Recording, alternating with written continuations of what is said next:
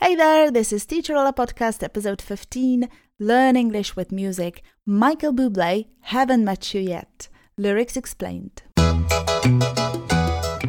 My name's Ola and I'm an online English teacher. I teach through one to one classes.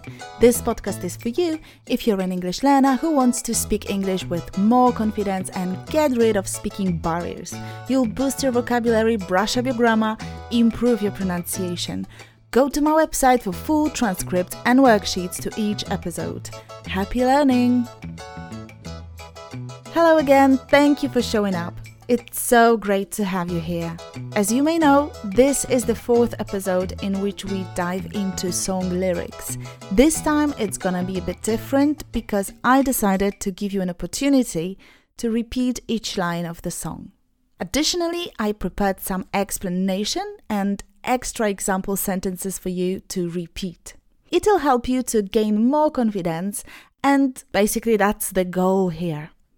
Lines of this song will definitely help you to speak better because they are everyday phrases and they are very useful. Haven't Met You Yet by Canadian jazz singer Michael Bublé was inspired by his fiancée then and wife now, as Michael admitted in one interview. Michael Bublé said he had met her while she and he had been involved in different relationships. Um, she didn't speak English. There was every reason not to try to start something new. Yet they did. That's what the song came from. The song is relatable to all single people who dream about meeting Mr. Right or Mrs. Right. It's about this mindset of being completely sure that somewhere there, someone special waits for me. I'm going to meet this someone one day. I know it's going to happen. I just haven't met them yet. Jazz singers basically don't reach high positions on Billboard chart, yet this song appeared on the top 30. Norah Jones achieved that too with the song Don't Know Why in 2003. Are you ready to learn some English with Michael Bublé? Okay, let's do so. Repeat each verse after me. Let's begin with the title Haven't Met You Yet. And don't sound like a robot here. It's not met you, but met you, met you. I haven't met you yet. I'm not surprised not everything lasts. I've broken my heart so many times I stopped keeping track.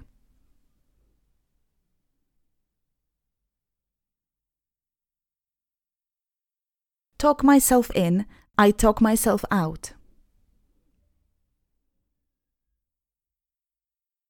I get all worked up, then I let myself down. Now, let's have a look at some structures here, shall we? Not everything lasts. Not everything can exist forever or longer. Some things have to disappear. Some things have to stop existing. Here, I think he's talking about the relationship. So, this relationship has come to an end. To break someone's heart, that's what you, what usually happens with with hearts. They get broken. So it's a strong collocation. You don't crush your heart. You don't crack it. It's break, break, broke, broken. A broken heart.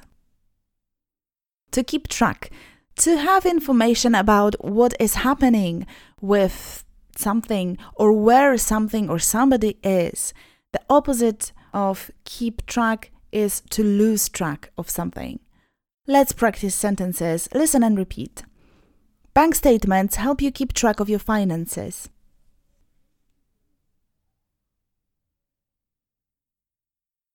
She lost all track of time. I talk myself into. Um, I persuaded myself to do something. Um, let's practice in sentences. I didn't want to swim there, but Anna talked me into it.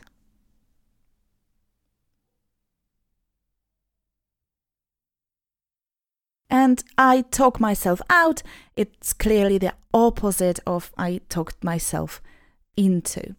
Let's repeat sentences. She tried to talk him out of leaving. I talked him out of running a marathon.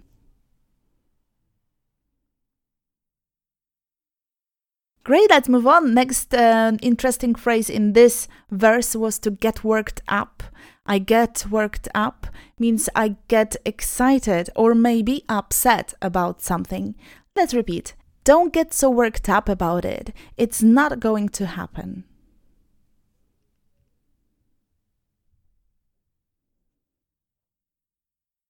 To let somebody down it means to fail to help or support somebody as they had hoped or expected.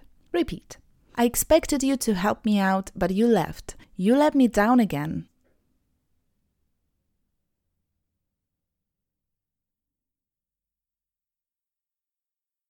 Next verse, line by line, repeat after me. I tried so very hard not to lose it. I came up with a million excuses. I thought of every possibility.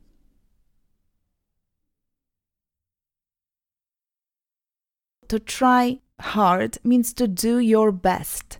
Hard in, in the line of uh, the song was exaggerated by so and very in one phrase. So very hard. Repeat. You have to try harder next time. Next up, to come up with something, to find or to produce an answer, or money. Repeat. She came up with a great tip for me.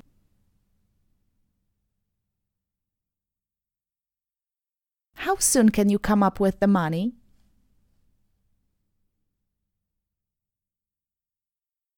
Next verse, let's read it out loud, shall we?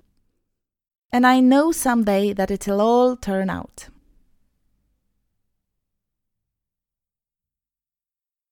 You'll make me work so we can work to work it out.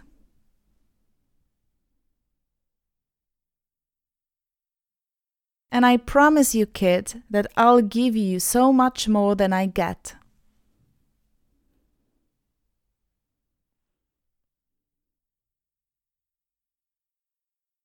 I just haven't met you yet. It'll all turn out.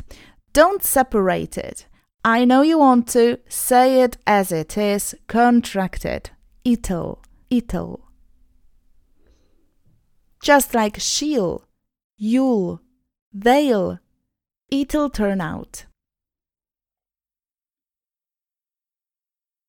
It'll happen, develop in a particular way. You'll make me work. It's just my interpretation, but I guess um, it's about the fact that he's broken, so now he's not working like a broken machine. So she'll make him work, operate, function again. The verb work has a few meaning uh, meanings, but I think this one makes perfect sense here. You'll make me work, so we can work to work it out. Three meanings of one verb in one sentence. To work out has two meanings to train the body by physical exercise. That's the first meaning. Repeat. I never work out at the gym. The second meaning is to develop in a successful way.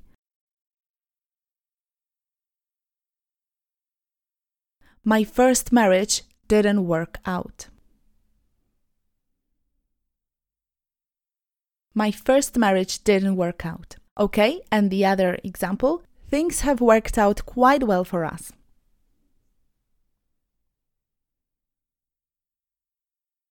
I haven't met you yet. I don't know you. I haven't had a chance to meet you.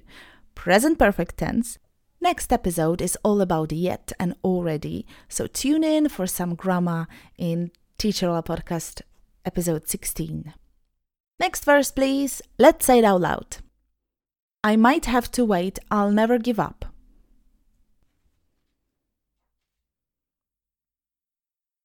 I guess it's half timing and the other half slack.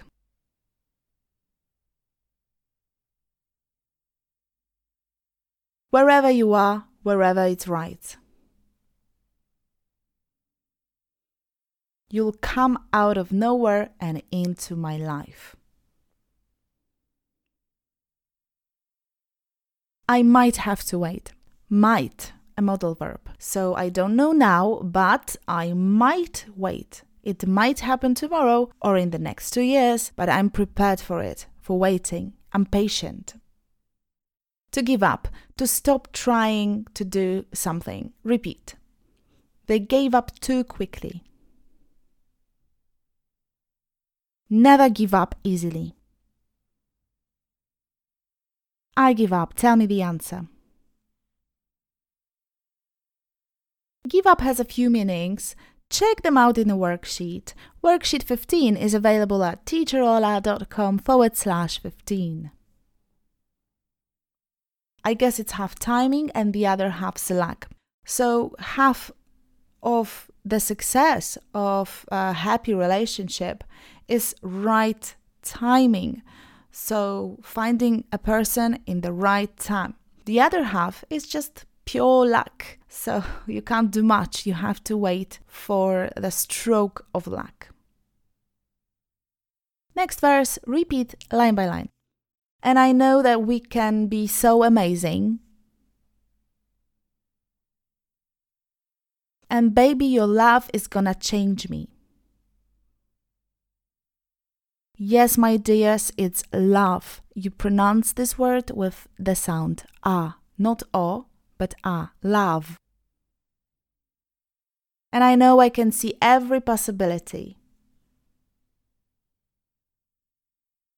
Amazing. This word is very common. It means incredible, outstanding. Don't put very before amazing. You can't say that something or somebody is very amazing you can say so amazing or really amazing. Gonna means going to. Useful when you're speaking, and useful when you're speaking fast, and useful when you listen. When you listen to um, native speakers because they use gonna all the time, so you have to get used to this word. Don't pronounce it gonna, though. There is no o sound, gonna. There is a schwa sound instead. So it should sound gonna, gonna. Next verse. You know what to do, right? Let's do that. They say all's fair in love and war. But I won't need to fight it. We'll get it right and we'll be united.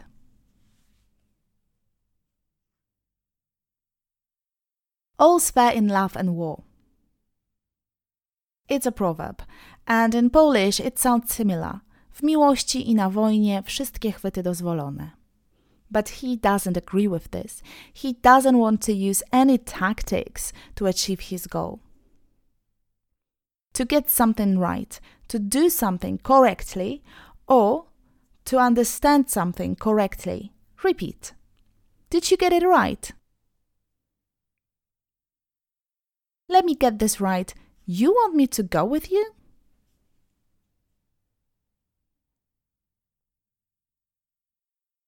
To be united, to be joined together.